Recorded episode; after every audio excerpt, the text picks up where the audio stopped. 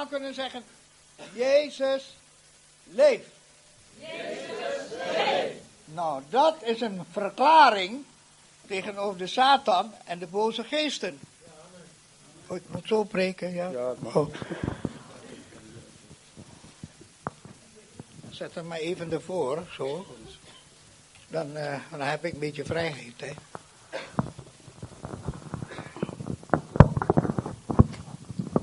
Iets, ver, iets verderop. Verder.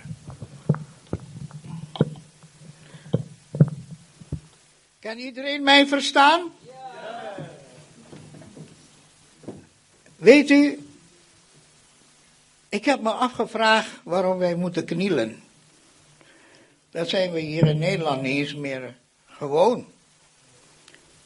Of ze gaan staan, of ze blijven zitten. Dat was zo opmerkelijk toen ik pas hier in Nederland 56 jaar geleden kwam, dat niemand ging knielen. Terwijl toch de Bijbel zegt, elke knie zal voor de Heer buigen. En dan is het ook bijzonder wanneer ik zo zie dat jullie toch bereid zijn om te knielen. Dan denk ik aan Indonesië, waar ik vandaan kom. En Indonesië is de gemeente van Jezus Christus, hebben ze altijd vooraan een bank. Zo'n lange bank. En dan als je in een probleem zit, of moeilijk hebt, of pijn hebt, of wat, of dan, en je wil met olie gezalfd worden, dan ga je daar allemaal naar die bank toe. En als je wilt bidden, mag je ook. En die kerk is altijd open, dus wanneer je wilt binnenkomen om te bidden, dan ga je daar automatisch op de knieën.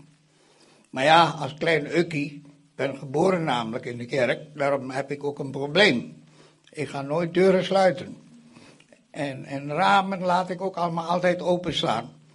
Maar ik zal u zeggen, ik kon niet zoveel bidden. Dus toen mijn vader gevangen genomen werd door de Japanse regering, moesten wij allemaal in de gemeente bidden. Dus kwam de hele horde eraan en, en ik als klein ukkie van zes jaar, ik moet ook aan bidden, want ik, vind, ik, ik, ik miste mijn vader. En dan ga je bidden. Als kind, als jonge kind van, van zes jaar.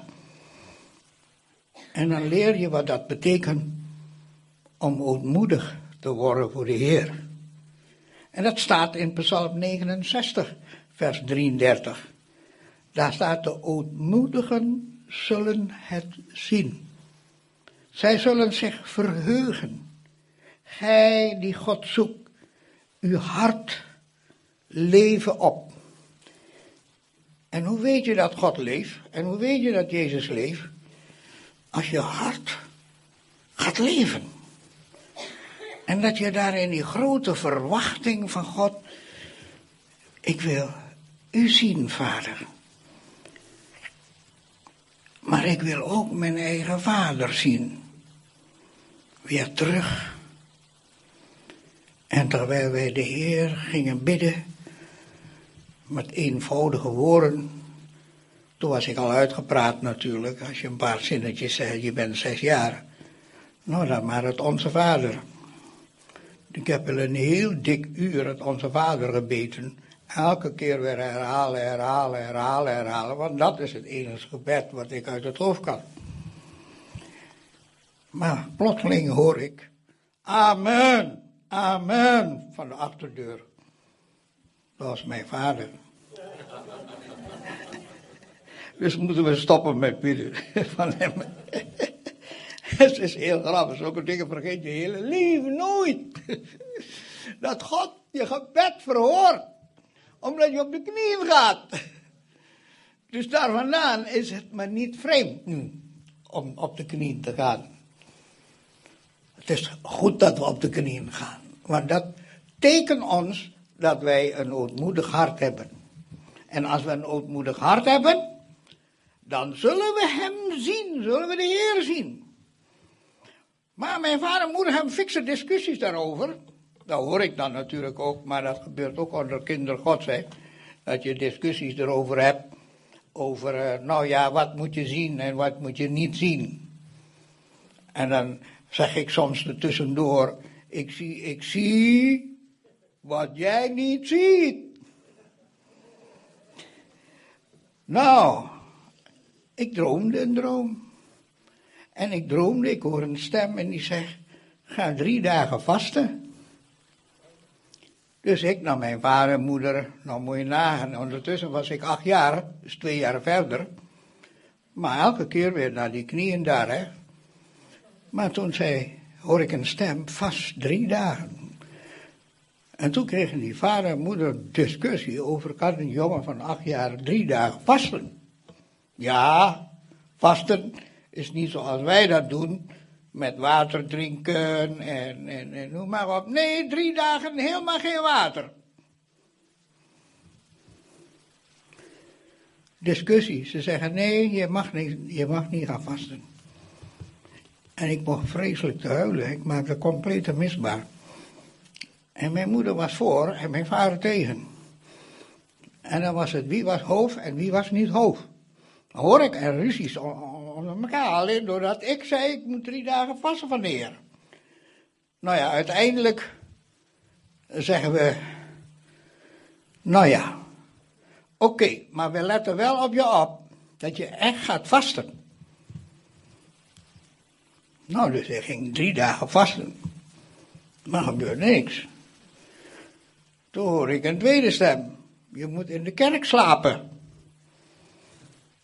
Nou, toen waren weer discussies. Wat zit alleen maar een verschil tussen de kerkmuur en je slaapt daar? Wat is zo'n verschil van plaats als je daar slaapt of daar slaapt? Maar je wil slapen in de kerk. Nou, uiteindelijk was het liedje, ik mocht met mijn tikkertje, zoals we dat noemen, dat is zo'n zo'n zo van, van, van uh, gevlochten uh, materiaal wat heel zacht is, uh, mocht ik in de kerk slapen. En u wil het niet geloven, de Heer kwam bij mij op bezoek. Maar dat is wat, als je de Heer ontmoet, dat je wat hier in Psalm 69 en 33, ze zullen zien Zal God je openbaren terwijl je acht jaar oud bent? Ja, zeker hoor. Dus u weet ongeveer hoe lang ik de Heer al ken. En dat hij tot mij praat ook. Nog steeds. Gelukkig. en dat hij zich openbaart. Dus dat is de reden ik en een constante verheuging ben, weet u wel. Ik ben blij van binnen en soms heb ik er moeilijk mee om het te uiten. Dan kan ik het wel uitschrijven, maar dat helpt niet. Maar gewoon verheugen in de Heer. Want ik zoek hem elke keer weer opnieuw. Net als Daniel drie keer per dag, zal ik u zeggen, hij heeft ook een gewoonte van gemaakt.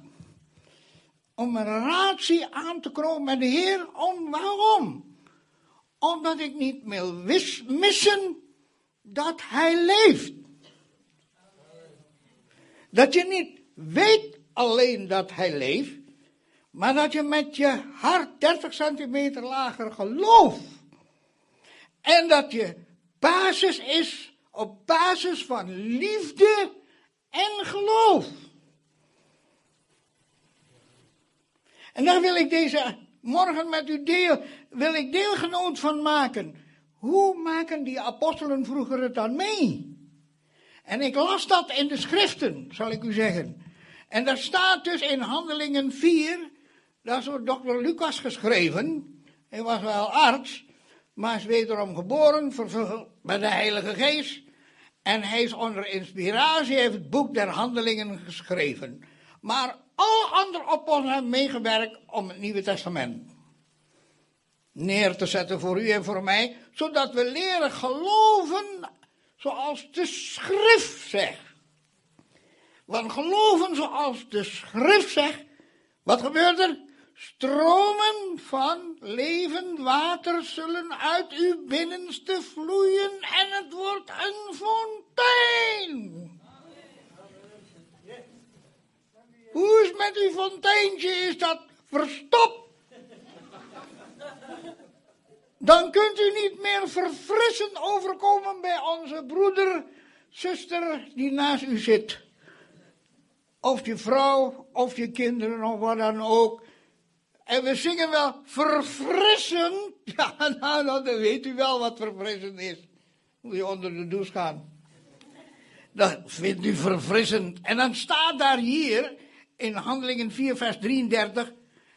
En met grote kracht gaven de apostelen hun getuigenis van de opstanding van de Heere Jezus. En er was grote genade over hen allen, staat. Moet u die tekst goed onthouden. Dat is de eerste tekst die ik aan u doorgeef, zodat u als u straks de zaal uitgaat, niet net als Dagobert dollars voor uw ogen hebt, maar dat u eruit gaat, Jezus leeft inderdaad. Is dat niet zo geweldig? Jezus leeft. Daar staat echt was grote kracht. De kracht van je getuigenis van Jezus dat hij opgestaan is. En als je dat getuigenis, zoals de apostelen dat deden. En wat waren de apostelen? Allerlei soorten. De ene is visser, de andere is belastinginner, de andere is dit en de andere is dat. Allemaal apostelen. Allemaal apostelen. Maar waar, waar kwam die kracht ervan? Door het getuigenis dat Jezus leeft. En daardoor is er grote genade. Dus grote kracht met grote genade. Man, man, wat ben ik rijk. Bent u rijk? Nee, ik hoor nog niks. Bent u rijk?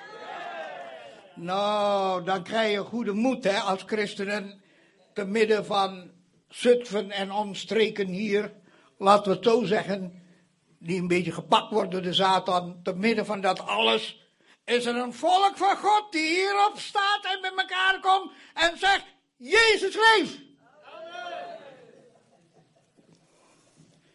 Broeders en zussen, u weet nog niet half wat dat betekent als u loskomt. Weet u, ik ben in militaire dienst. En ze zeggen ook wel eens, Hollanders zijn lang warm te krijgen. Maar hoe wee als ze al warm zijn, dan zijn dat blindgangers. Echt waar. Je ziet ze eerst langzaam marcheren, weet u wel. Ik heb militaire dienst in Suriname. En dan krijgen we oefeningen met scherp. Hier niet, in Holland doen ze dat niet. Maar dan zegt de kapitein, ja, 3% mag doodgaan. In de oefening. Nou, dan, dan, dan gaat er de kriebelen in je maag. En dan gingen ze je met een punt 50 over je, over je hoofd schieten. En dan zie je die lichtsporen ook. Maar dan hoor je het getek, hè.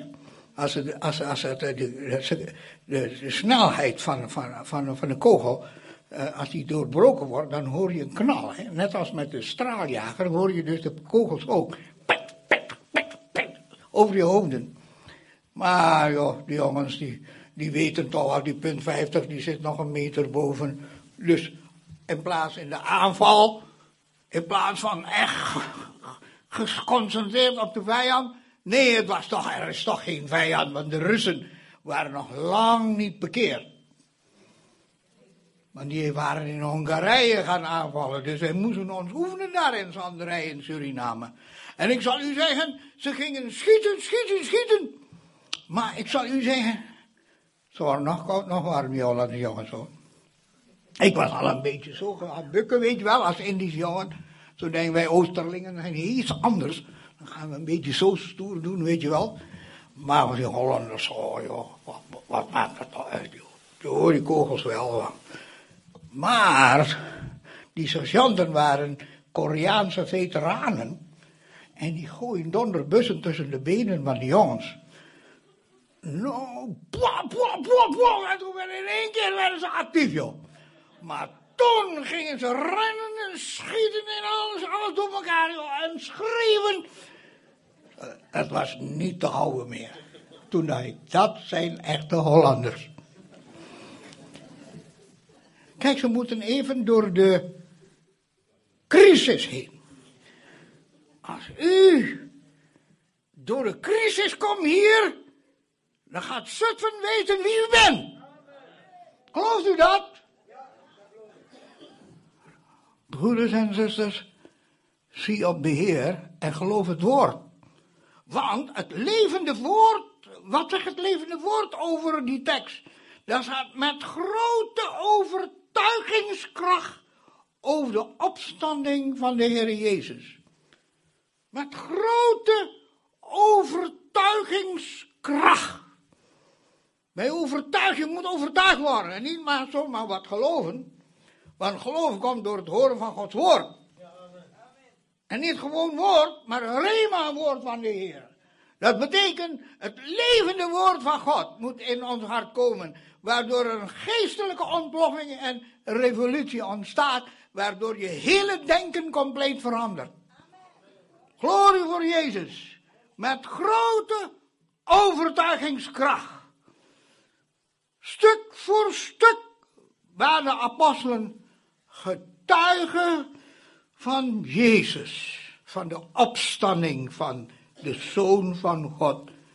De Zoon van God die niet meer sterven kan dan alleen op Golgotha voor uw zonde en mijn zonden.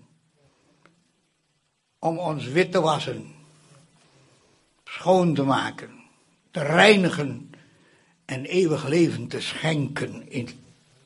En met dat lichaam ging Jezus gebakken vis te eten om te demonstreren dat hij geen geest is. Want sommige mensen geloven dat het geest is die uit de doden is opgestaan en niet dat lichaam. Ik geloof in een lichamelijke opstanding.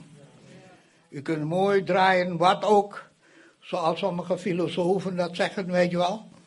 En pedagogen en ik weet niet wat allemaal, al die gogens. Ik weet alleen één ding. Mijn Bijbel vertelt duidelijk dat er een lichamelijke opstanding was. En die ongelovige Thomas, daar heeft de Heer ook rekening mee gehouden. Dus als u ook zo'n Thomas bent, helemaal niet erg hoor. Maar de Heer openbaart zich aan u zelf, dan schrikt u wel. Dan schrikt u. Maar dat schrikt hij ook, want door de schrik, toen hij ontdekte dat het Jezus was, die werd de één ding gezegd mijn Heer en mijn God. Toen was Jezus zijn Heer en zijn God. Wanneer is Jezus Heer in uw leven? Wanneer is Hij God in uw leven? Wanneer u tot verbrokenheid hart hebt en een ootmoedig hart krijgt en uw hart gevuld wordt met de liefde van Jezus. Dat is het wat er gebeurd is. En dat lichaam ging Jezus dus gebakken vis eten om die Thomas te overtuigen, voel mij maar. Want wij zijn emotionele mensen, maar je hebt negatieve emoties, maar je hebt ook positieve, constructieve emoties. Als wij dus de Heer lief hebben met een constructieve emotie erbij, uit dat zielenleven, dan heb je de zaak in de goede richting. Ja. We hebben allemaal emoties, of niet? En wat, wij zijn nooit driftig natuurlijk. Dat is natuurlijk niet zo, hè. Nee, hier niet. Maar eh, daar in Almelo wel. Hier zijn ze iets heiliger. Maar ik zal u zeggen, als de liefde van Jezus het overwint, ga je ook elkaar lief hebben. Dan ga je echt elkaar lief hebben. Dan ga je de tweede mijl, dan ben je geduldig. Want de vrucht van de Heilige Geest is het eerste woord, is liefde. En dan komt de rest. Het resultaat van de liefde is die ander wat erachter staat. Zoals Galater dat zegt. Maar ik zal u zeggen, Jezus was voor die gelovige, ongelovige, ja, zo is het, ik zeg niet dat u ongelovig bent. Ik zeg dat wij gelovigen in de praktijk ongelovig doen. Kom zie, kom za. Zo leven, weet u wel. Kom zie, Kom ze, ja, broeder John. Johannes, Johannes de Liefde daar van Amsterdam, die heeft een lied gemaakt. Dat heb ik ook op de lagere school, de christelijke lagere school geleerd. Op bergen en in dalen, ja, overal is God. De oudere mensen die kennen het lied wel, maar, maar de jongeren die weten dat niet meer. Dat je, kom zie, kom za, op bergen en in dalen. Ja, daar is berg en daar is daal. Ja, overal is God. En, en, en, en Thomas ging de Heer tegemoet. Ook al ben je in een taal. De Heer is daar. Hij leeft. Waar wilt u gaan naartoe? Wilt u naar de, naar de, naar, de planeet, een of andere planeet gaan? Dacht u dat de Heer daar niet is? Nee, de Heer is daar ook. Want de eigenschappen van God zijn almachtig, alomtegenwoordig en alwetend. Dus als Gods eigenschappen zo zijn, dan moet Thomas ook in de. Hij zegt: Mijn Heer en mijn God. Prijs God voor die hulp van Jezus. En er is altijd hulp van de Heer. Ik ben twaalf weken geleden, zat ik onder het mes in Enschede. En ik heb twee bypass en een hartklepoperatie en een klaplong. Nou, ik was niet in intensive care terechtgekomen, maar aan de rand van de operatiekamer. Ze dachten dat ik dood ging. Maar ik ging niet dood. Ik ging niet dood omdat Jezus leeft. Want van tevoren heeft de Heer mij laten zien wie hij is. Voordat ik geopereerd word. En daar ben ik gerust. Mijn vrouw was gerust. En de Heer verscheen mij. En als hij niet verschenen was, dan geloof ik het nog. Maar hij kwam mij tegemoet. En toen de Heer verscheen, in de vorm van een engel, in de, niet operatiekamer, maar een onderzoekscentrum, ik was daar alleen. En hij verscheen en hij vroeg, ik vroeg aan hem, hoe kan dat nou? Ik ben een prediker van het woord en ik zit hier in intensive care. Heer, waar was u? Zo zei ik de Heer. Heer, waar was u? En toen verscheen de engel des Heer, die staat daar midden en kijkt mij aan. Ik zeg, waar was u? Zei ik zo. Ik was er altijd. Huh? Was u er altijd? Ja. Maar waarom ziet u er zo oud uit? Maar 40 jaar geleden is de Heer ook mij verschenen. En toen was hij veel jonger in mijn ogen. Maar ik vergeet dat mijn ogen ook ouder zijn geworden. Maar dat die engel hetzelfde is. En zo gaat het vaak, hè? Menselijk. We reageren menselijk. Maar op de rekening, ik ben er. En we zingen dat toch ook? Ik ben er. Wat maak je je druk om? Om je te dragen. Met te omarmen met de liefde van hem. Nou, u kunt wel best begrijpen, ik was helemaal niet meer bang. Al ga ik door een dal van diepe duisternis. En daar ging ik hoor. Ik werd weggemaakt. Mijn, mijn bloed gaat door de bloedmachine. Mijn longen gaat via de longmachine. En dan werd ik geopereerd. Ik werd wakker gemaakt door de operatie. Mijn vrouw zei, hey John, de operatie is geslaagd. En ik was nog een beetje, oh ja, halleluja. Alle eer aan de Vader, de Zoon en de Heilige Geest. Dank u, Vader, voor alle gebeden van de kinderen Gods in Nederland. Halleluja. Halleluja, hij leeft. En toen viel ik weer weg. Ik viel weer weg. En toen ik wakker was, was ik in intensive care. En toen was er een mevrouw. En die zegt, meneer, u bent Lefeu, hè? Ja, het was een voorrecht om voor u over uw leven te waken. De anastasist dacht dat u echt het hoekje omging. En, uh, en, en wij moesten waken. Maar dat is de reden dat u niet direct in intensive care, maar daar in de zij, zijkamer, de operatiekamer.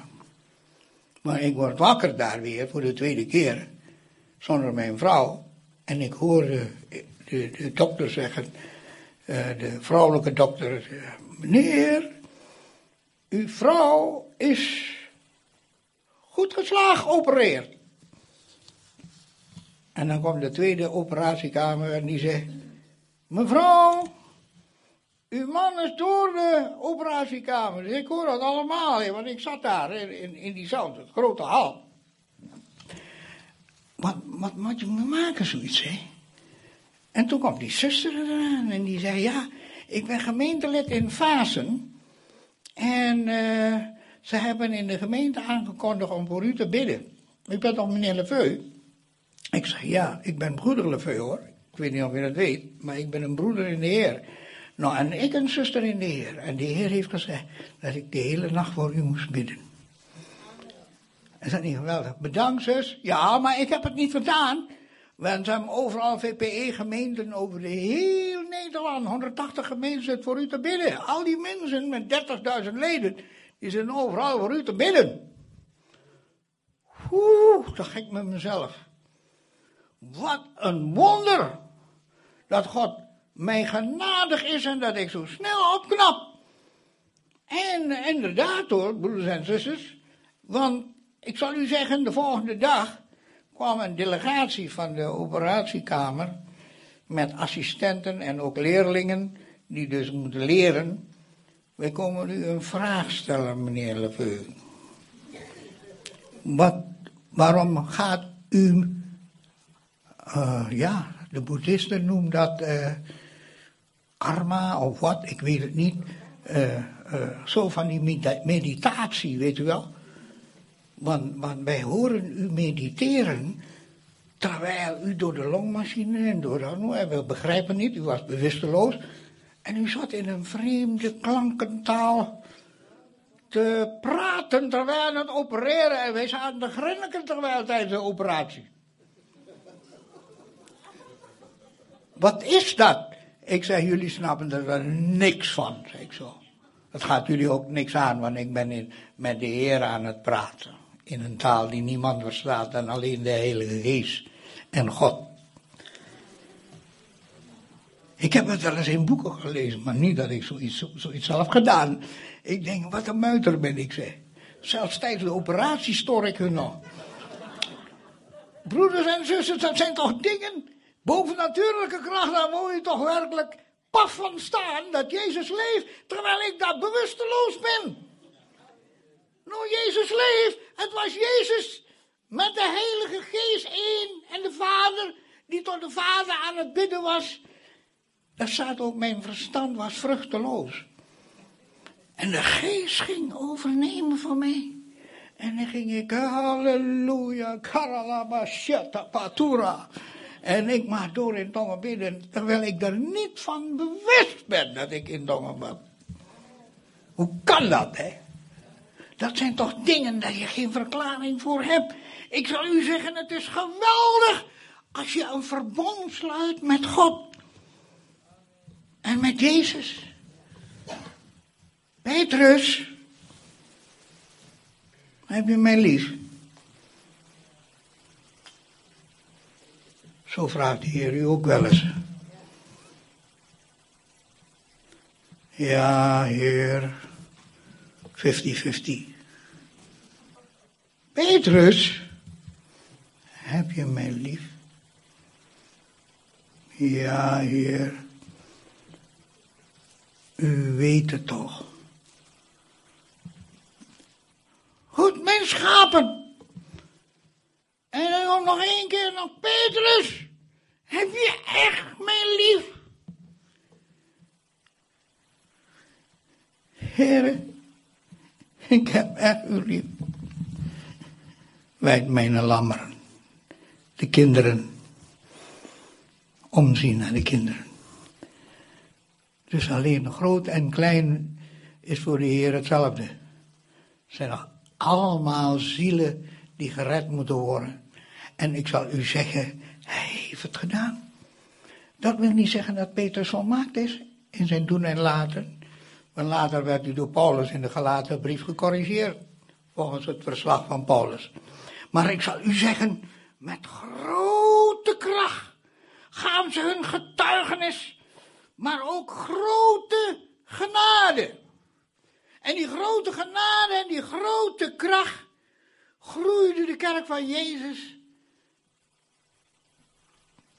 Daar waren zoveel mensen op de Pinksterdag, kwamen tot bekering. 3000, toen 5000.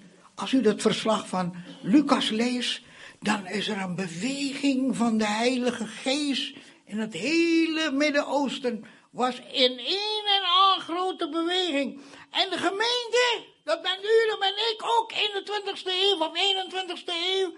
Hè? Ze hadden kracht tot getuigen. U moet kracht hebben om te getuigen, lieve mensen. Echt waar. Soms heb ik het idee dat er al een klein plukje die durft te getuigen. Maar nee hoor, u moet getuigen van de Heer, want Hij leeft. Hij leeft. Er staat, er zijn acht dingen die ik even aan u wil doorgeven. Duidelijk staat er in de handelingen der apostelen dat de kracht tot getuigen krijgen ze. Ten tweede, eendrachtelijk voor elkaar zorgen en elkaar liefhebben. Dat je niet elkaar met het woord van God de oren was van elkaar. Of bedweterig doet, of hoogmoedig wordt. Maar dat je voor elkaar zorgt. De een achter meer als de ander. Dat we allemaal door hetzelfde bloed gereinigd zijn. Maar dat God soms aanstelt in de gemeente bepaalde functies niet omdat ze heiliger zijn, maar nee, omdat ze daarvoor geschikt zijn, terwijl ze op datzelfde moment ook niet volmaakt zal zijn. Dan derde, ze hadden heilige vrezen en onzag voor de gaven van de Heilige Geest. En ten vierde, daardoor kwamen religieuze mensen, gelovigen, die kwamen ook erbij. En kwam een fikse toename in hoofdstuk 6, vers 7. En God deed wonderen als bevestiging op het getuigenis, vers 8. En Stefanus' bediening van wonderen en tekenen gebeurde daar. En zware vervolging. En toch bleven ze getuigen. En het goede nieuws was verder gegaan. En de tekenen gingen ook mee. Dat was niet aan plaats gebonden. Dus niet alleen Zutphen, maar er zijn nog andere plaatsen. Het koninkrijk van God baant met geweld. Baan door. Een breek door. Toen ik nog zes was, was de gemeente van Jezus 3000 gemeenteleden. Weet u hoeveel het nu is? 8 miljoen. 8 miljoen kinderen gods die wederom geboren en geestvervuld zijn in Indonesië. Ik ben daar geweest twee jaar geleden. Ik heb voor een massa's gesproken. In, in 24 diensten heb ik zo'n bijna 17, 18.000 mensen gesproken. Het werk van God is zo uitgebreid en ik ben daar in die kerk geboren. Maar ze hebben mij, mijn vader was een van de pioniers en we zijn dankbaar als we dat mogen zien, de uitbreiding van Jezus leef. En wat is dat belangrijk dan, dan de liefde van de Heer? Ten tweede, overweldigend groot is zijn kracht aan ons, die geloven. Staat er in Efeze 1, vers 19. En in de Efeze brief staat dat de kracht van God aan ons, die geloven staat erbij, ziet u wel. Niet alleen die liefhebben, maar liefde en geloof, dat zijn de twee roeispanen om vooruit te komen. Maar als u er met één roeispaan, wat gebeurt er dan? Wie weet dat? Rondjes, rondjes, je blijft in een kringetje. Nooit doen. Daarom moet u waken over de liefde van de Heer in uw hart. En geloof te kweken dat u niet schaamt om aan de Heer Jezus te bidden. Heer, schenk mij meer geloof. Niet gewoon geloof, maar geloof van de Vader. Een woord van de Heer, dat door de Heer gestuurd is in uw hart. En u zou dat woord gebruiken, is net als een tweesnijdend zwaard. Het dringt door en snijdt van één geest en ziel en lichaam. Poep, erin. Omdat het hart open is. Als het hart dicht is, werkt het niet. Maar wanneer het open is, dan werkt het op een diepe manier. Maar dan moet je wel niet natuurlijke ogen hebben, maar geestelijke ogen. Geestelijke ogen. En ook niet zielse ogen. Want het is aards wat van de ziel is en van het lichaam. Maar de geestelijke ogen, die ziet veel verder. Want je ziet Gods rijkdommer zuiver. En weet u hoe dat komt? Omdat u en ik een zuiver geweten hebben. Paulus zegt, ik oefen mijzelf om mezelf te controleren of ik een zuiver geweten heb. Snapt u? U moet uzelf controleren. Dat is met avondmaal toch ook? En ieder onderzoeken zichzelf of hij er mag, mag, mag mag nemen. En een zuiver intuïtie. En je een zuivere relatie hebt met God en met je naaste. Want heb God lief. Met wat? Compleet alles, geest, ziel en lichaam. En je naaste als jezelf. Dus u ziet, gemeente van Jezus Christus, als wij zeggen Jezus leeft, dan wordt uw geloof beproefd, wordt uw liefde beproefd. Dus als u ruzie hebt, moet u zo snel mogelijk verzoenen. En ik weet als voorganger, lieve mensen, dat het niet zo 1, 2, 3 gaat door.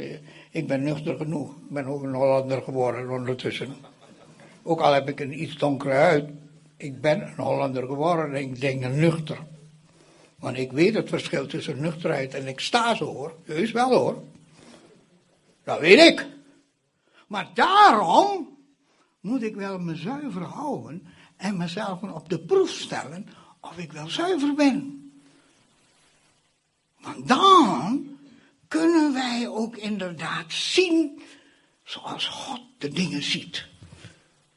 En hij ook het geduld voor voor je broer. Want ik zal u zeggen, ik ben voorganger van een hele grote gemeente in Almelo geweest. Ik ben emeritus nou ondertussen.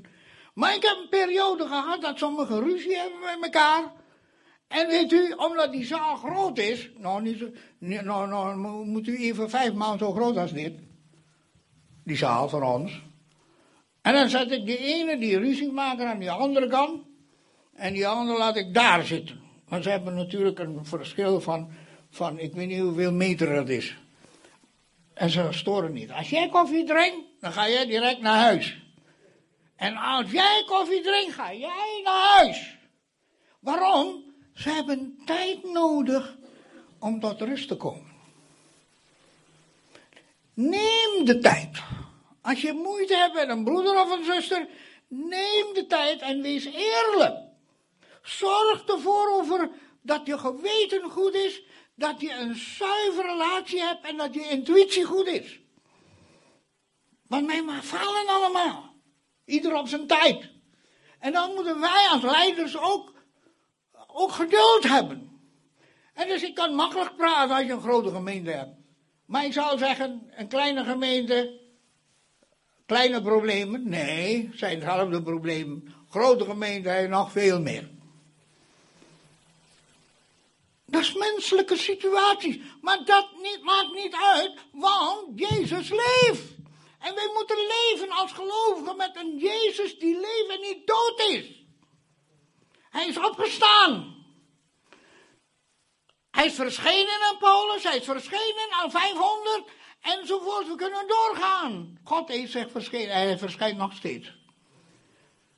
Naar de werking van de sterkte zijner macht, die hij heeft gevrocht in Christus, door hem op te wekken uit de dood. Efeze 1, vers 19. Ik zal, ik zal, ik zal u zeggen, dat is een probleem. De werking van de sterkte zijner macht. Hoe werkt de Heer dat? Hij werkt verschillend. Met de een krijgt direct een genezing en de ander moet een jaar wachten en sommigen worden nooit genezen. Dat is mijn praktijk hoor. Ik ben nuchter in die dingen. En veel verdriet hoor, ook onder kinderen gods.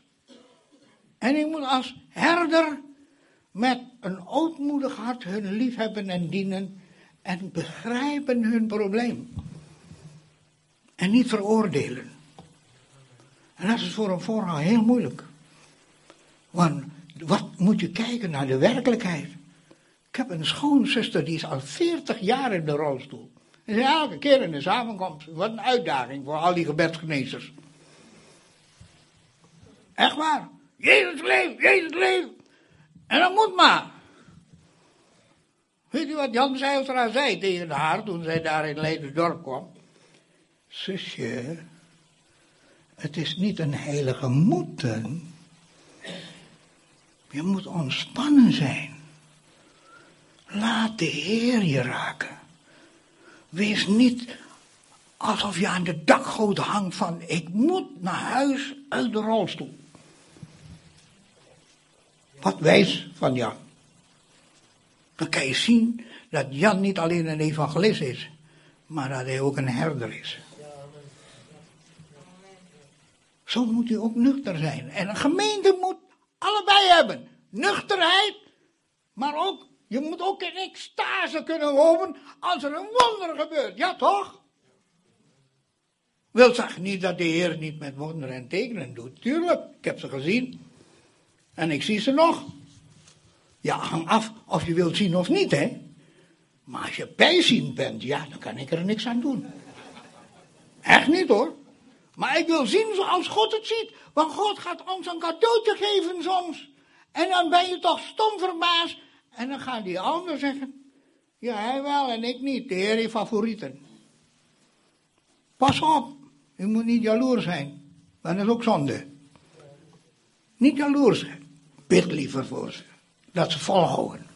Totdat Jezus komt. Want een dag komt. Als hij komt. Tratata. De basuin, hè? Dan komt hij. En dan worden wij allemaal, die nog leven, in een ondeelbaar ogenblik veranderd. Puts! En u hebt hetzelfde lichaam als Jezus.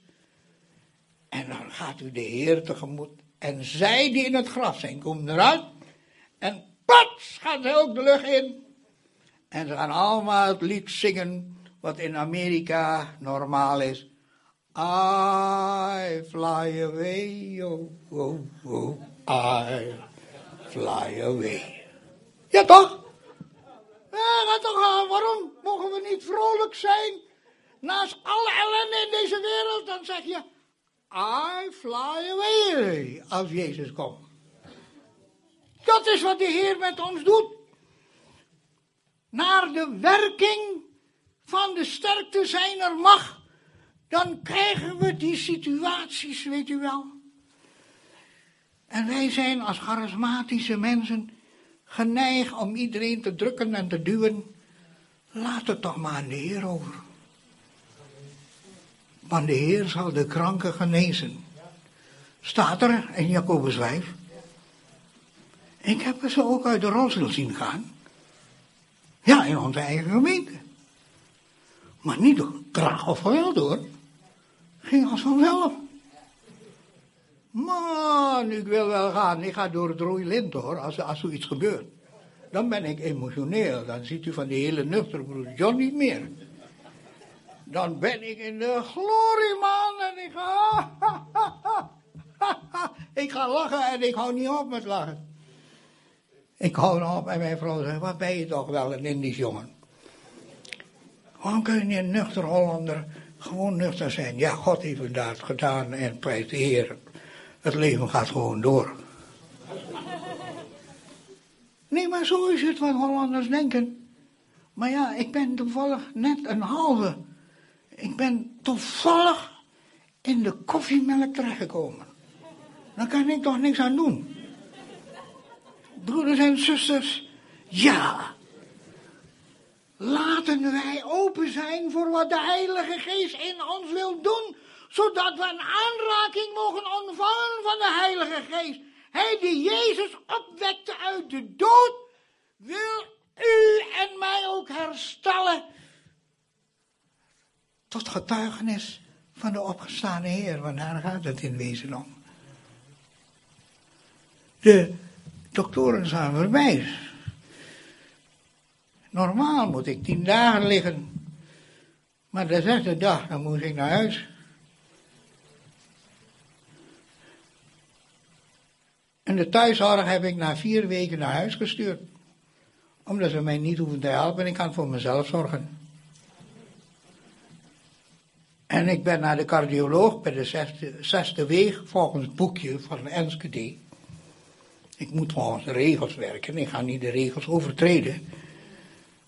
En ik zei, hoe, hoe lang duurt het voordat ik in de auto mag? Nou, hij zei, ja, volgens het boekje staat vier. Dus ik had al direct in de auto kunnen stappen. Nee, zo gaat het niet. Ja, want een mens zegt tegen mij dat het een half jaar duurt voordat je in de auto mag.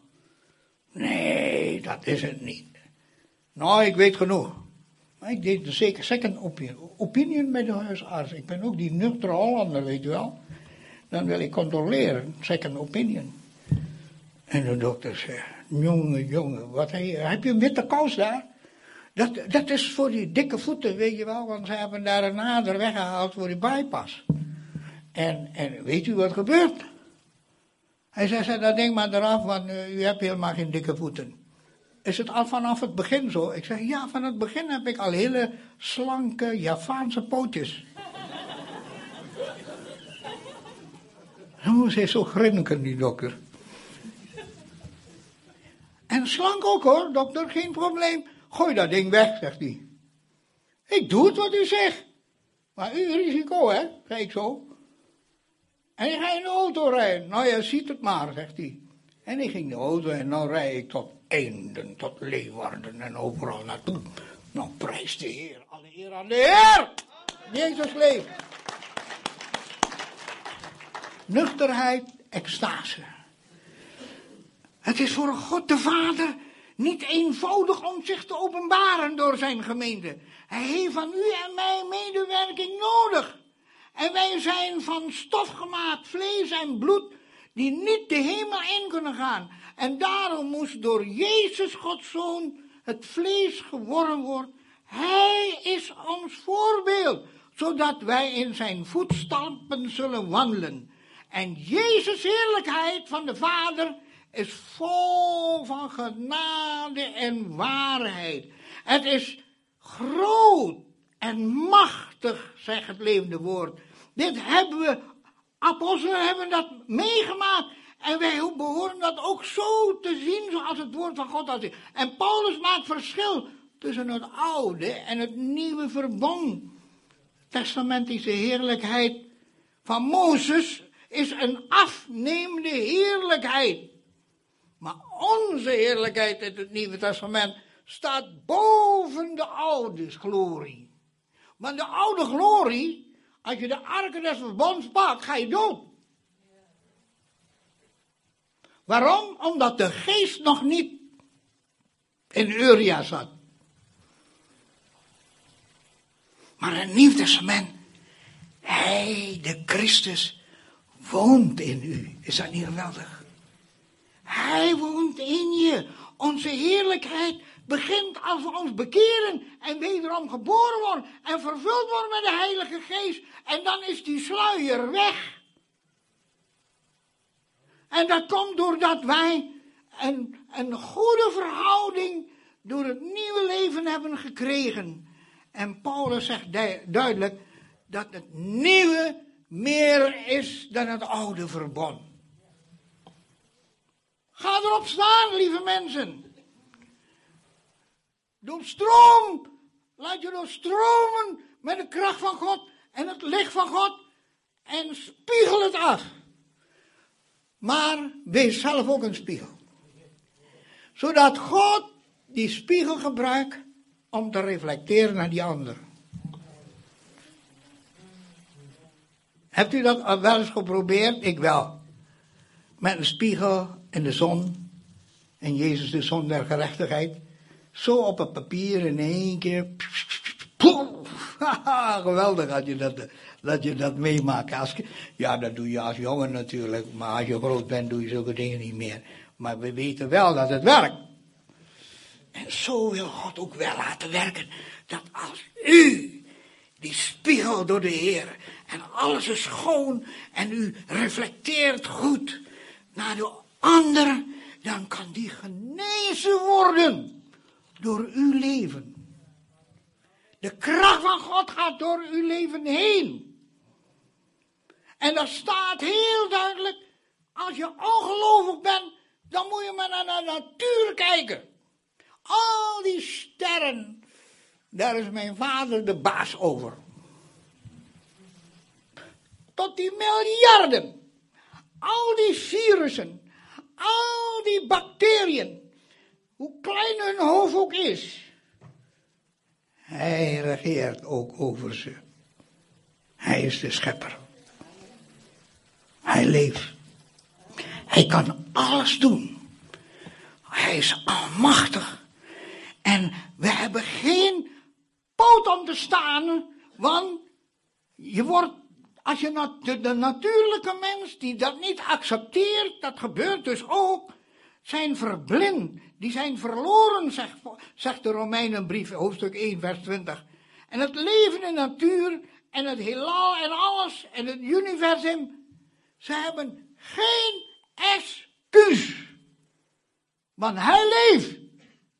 We leven in 2000. Wie weet het? 2010. Ja? Na? Na?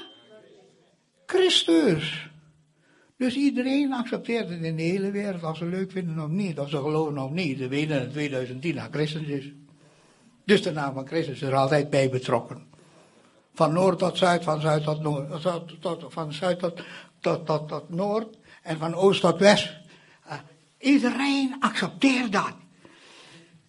De kracht, zegt de Bijbel in de Colossensenbrief 1 vers 11, de kracht van Gods heerlijkheid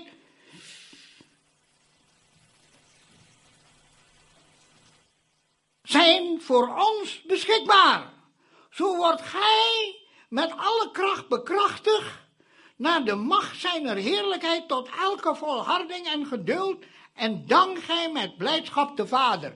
Nou, dan ga je toch de Vader danken voor alles. Dankt u ook als er negatieve dingen zijn? Ja, moet je ook danken. Dan onder alles. Dus positief, negatief zijn. Bedankt, heer. U, u kunt mij een letje leren. Als ik stout ben. Als ik verovertreed. Of eens beproefd word. Paulus bidt. En hij wenst de gemeente van Jezus Christus op aarde de volheid van de Heilige Geest toe om de macht en de heerlijkheid van de opstanding te beleven en te ervaren. En gebeurt dat met volle teugen, dat doe ik ook.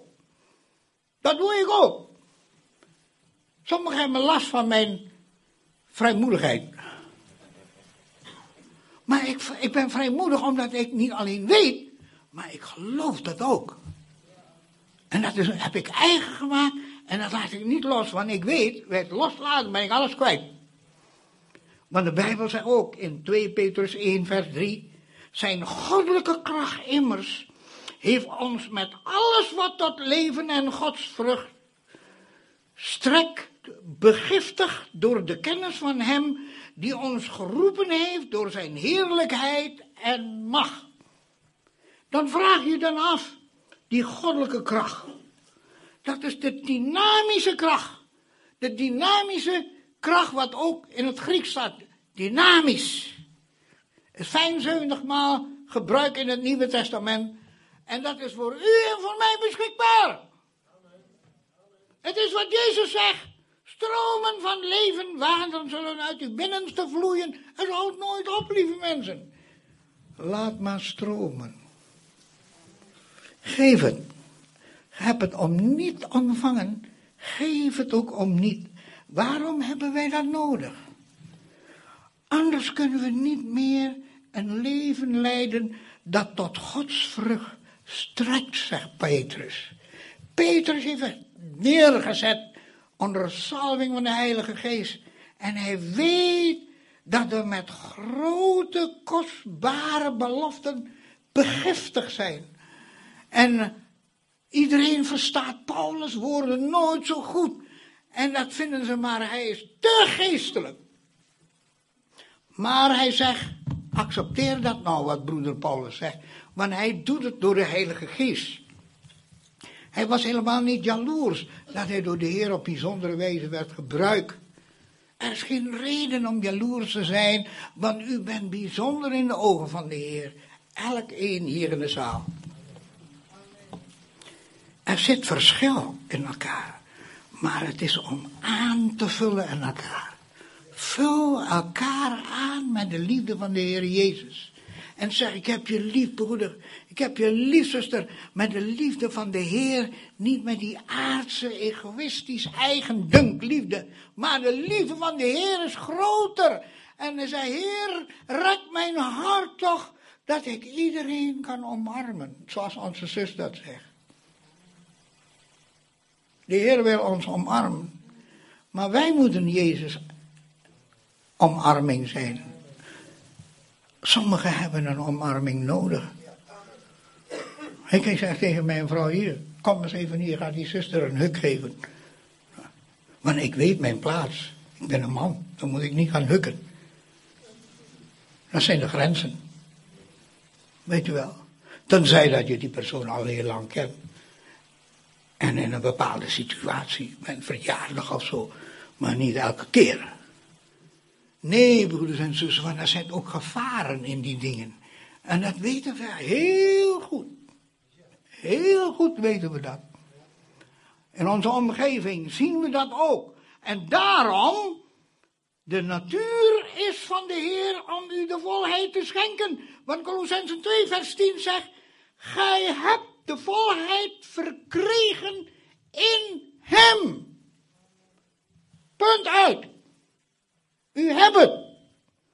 Leef ernaar. En wees vrolijk en blij. En als u het moeilijk hebt en u bent het kwijt, vraag een andere broeder die sterker is op dat moment. Want de volgende keer ben jij sterker, dan moet je voor die ander bidden. Zo doe ik het altijd. En ik schaam me niet door een eenvoudige broeder te laten bidden. Bid voor mijn broer, dan ga ik knielen. Wat maakt het nou uit zo, als ik maar de kracht krijg. Is toch zo? Als ik maar niet wat ik kwijt ben, maar als ik dat maar terug heb. Maar ik, ik heb een ijver God om in de volheid van de Heer te blijven. En dat is een gevecht, van de Satan is jaloers. Hij wil niet dat we vruchtbaar zijn. Hij wil niet dat we sterk zijn. Hij wil dat wij hoofdpijn hebben. Maar we hebben hoofdpijn van veel dingen. We hebben hoofdpijn. Is een grote kwaal in Nederland. Ze allemaal hoofdpijn hebben. Waarom hebben ze hoofdpijn? Wees eerlijk. heeft iemand nooit hoofdpijn? Steek je hand op. Dan ben je begenadigd. Dan ben je begenadigd als je nooit dat weet. Ik ken een paar mensen in de gemeente. Hé, hoe voelt dat als je hoofdpijn hebt? Hoe voelt dat als je griep hebt? Die was nooit ziek. Tot zijn zevenen, eh, tot zijn 86, 87 jaar heeft hij nooit ziek, heeft nooit de dokter gezien. Genadig. van de Heer. Maar dat is zeldzaam, lieve mensen. Dus niet iedereen maakt dat mee. Ik twijfel niet aan dat God sommige genade geeft. Maar toen hij longontsteking had, wist hij het ook niet dat hij longontsteking had. Maar ik wel. Ik zei, ik, haal toch de dokter dit keer. En hij moet met spoed met de ambulance naar het ziekenhuis. En drie dagen later was hij overleden. Alleen drie dagen een probleem. Hij heeft zijn hele leven een leuk leven met de Heer gehad. En weet u wat zijn geheim is? Niet omdat hij de Heer heeft alleen, maar hij eet nooit groenten. Want ik zeg tegen hem, waarom gebruik, neem je geen groenten? Waarom neem je geen groenten? Dat is toch gezond? Dat is toch algemeen bekend? Hij zei, ja, maar ik ben geen geit.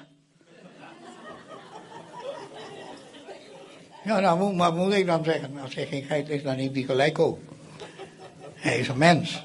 En hij heeft een vrije wil om te kiezen of hij groenten wil eten of niet. U bent vrij in alles. De Heer zei, de Heer heeft u vrijgemaakt. Sta in die vrijheid, maar gebruik het niet als een aanleiding voor het vlees, zegt Paulus. Amen. Daarom, broers, moedig ik u aan. Zie op de Heer. En de Heer verlost u allemaal van de hoofdpijn. En ik heb vijf flessen gezien in mijn droom. En ik zag die etiketten allemaal. Etiketten beneden de rest. Dat ze ongehoorzaam waren aan de belofte van de Heer. Ten tweede, omdat het lichaam van Christus niet onderscheiden. Daarom hebben ze zoveel last van die dingen. Ze zijn gebonden aan verschillende verslavingen. Ze zijn ook gebonden te vieren aan literatuur die slecht is, die niet opbouwt. Hebt u dat, uw bibliotheek, al schoongemaakt? Als de Heer het zegt, als de Heer in het huis is, mag hij die boeken zien? En kan hij zeggen, dit moet je eruit doen en die moet je eruit doen? Oh, die! Die heb je geleend van zuster die en je hebt terug nog niet teruggegeven. Ja, daar krijg je ook hoofdpijn van. Want het is niet jouw eigendom. Je hebt, je boeken of DVD of, of uh, CD nooit teruggegeven, terwijl je weet dat het niet van je is. Ik zal u zeggen, en dan nog niet die tv met sappen. Sappen we weg als we zien dat het niet goed is? Of wacht u, wacht u, dat, wacht u tot uw vrouw naar bed gaat, of uw man naar bed gaat, zodat u kan lekker kan sappen? Pas op hoor. Als u daarmee bezig bent, dan zit u ook goed niet goed. Uw fles moet vol van de olie van de Heilige Geest zijn. Zodat, als u naar voren komt en ze met olie zalven, er vergeving en genezing is onder de vleugels van de Heer. Want Hij heeft op Golgotha alles betaald. Amen. Alle eer aan de Vader. Alle eer aan de Zoon. Alle eer aan de Heilige Geest. Zo onze ogen sluiten. Ik wil bidden voor alle mensen die hoofdpijn hebben. Vader in de hemel, u weet dat veel van uw kinderen er last van hebben. Wilt u hun verlossen, Vader? Geef hun geloof. Geloof om in de vrijheid van de Christus te komen. En gebruikt te worden als kanalen van uw zegen, Heer. Broeder, zuster, in Jezus' naam wordt vrij van het juk van de vijand. Hij heeft geen recht, want u bent een kind van God. En u bent gekocht en betaald. En u bent geen eigendom voor tijd en eeuwigheid. En de Heere bestraffen je Satan. Plaatsen het bloed van Christus, die gestort is op Golgotha, als een teken dat je het recht niet hebt om de kinderen Gods aan te vallen. Heer, zegen aan ieder hier, dat ze in de kracht van u mogen staan om een getuige van Jezus te zijn, in Jezus' naam. Amen. Alle eer aan de Heer, geef een handklap aan de Heer.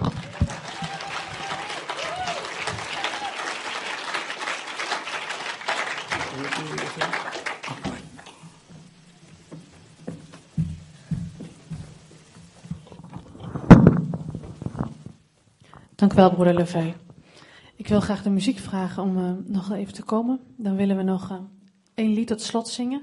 Als er mensen zijn die naar aanleiding van wat er in de dienst gezegd of